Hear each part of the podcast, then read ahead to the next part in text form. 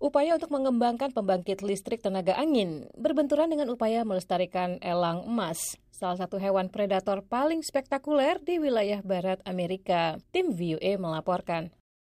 Wyoming adalah salah satu negara bagian di wilayah barat Amerika yang terkenal dengan elang emasnya. Namun sudah menjadi pengetahuan umum, Wyoming juga adalah tempat yang ideal bagi usaha mengembangkan pembangkit listrik tenaga angin. Berbagai upaya telah dikembangkan di negara bagian itu untuk meningkatkan produksi energi dari tenaga angin.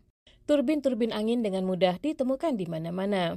Di satu sisi, usaha untuk lebih mempopulerkan turbin sangatlah penting sebagai bagian dari usaha mengatasi perubahan iklim dengan memanfaatkan sumber ramah lingkungan. Namun sayangnya di sisi lain, pembangunan lebih banyak turbin angin membahayakan populasi elang emas. Charles Preston dari Lembaga Konservasi Teton Raptor Center mengatakan, hewan predator dengan sayap yang bisa membentang selebar 2 meter ini kerap menjadi korban turbin angin.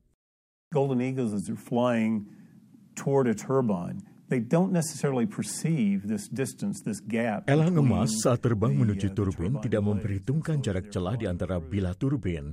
Akibatnya saat mereka terbang dekat turbin angin, elang itu sering terhantam bilah-bilahnya. Preston mengungkapkan usaha mengatasi perubahan iklim memang perlu dijalankan. Pasalnya, populasi elang emas juga terancam akibat temperatur bumi yang memanas. Menurut analisis ilmiah, meningkatnya suhu diproyeksikan akan mengurangi rentang pengembangbiakan elang emas hingga lebih dari 40 persen pada akhir abad ini. Elang emas tergolong lambat berkembang biak. Predator ini tidak akan kawin sampai usia sekitar lima tahun dan hanya menghasilkan sekitar satu anak setiap dua tahun. Secara nasional, jumlah turbin angin meningkat lebih dari dua kali lipat selama satu dekade terakhir menjadi hampir 72 ribu, menurut data survei geologi Amerika Serikat. Peningkatan jumlah turbin ini memperkecil peluang elang emas untuk bertahan hidup. Doug Bell, manajer program satwa liar di Taman Regional East Bay, ikut prihatin dengan situasi ini. As well as trying to obtain as many renewable energy projects as possible, um, we still want to balance that kita berusaha mengembangkan um, sebanyak mungkin proyek energi terbarukan, namun kita juga tidak ingin kehilangan populasi hewan yang langka atau terancam punah seperti helang emas.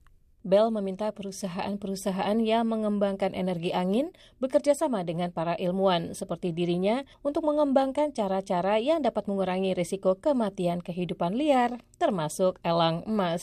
Sekian laporan tim VOA Arif Budiman, Lea Johannes.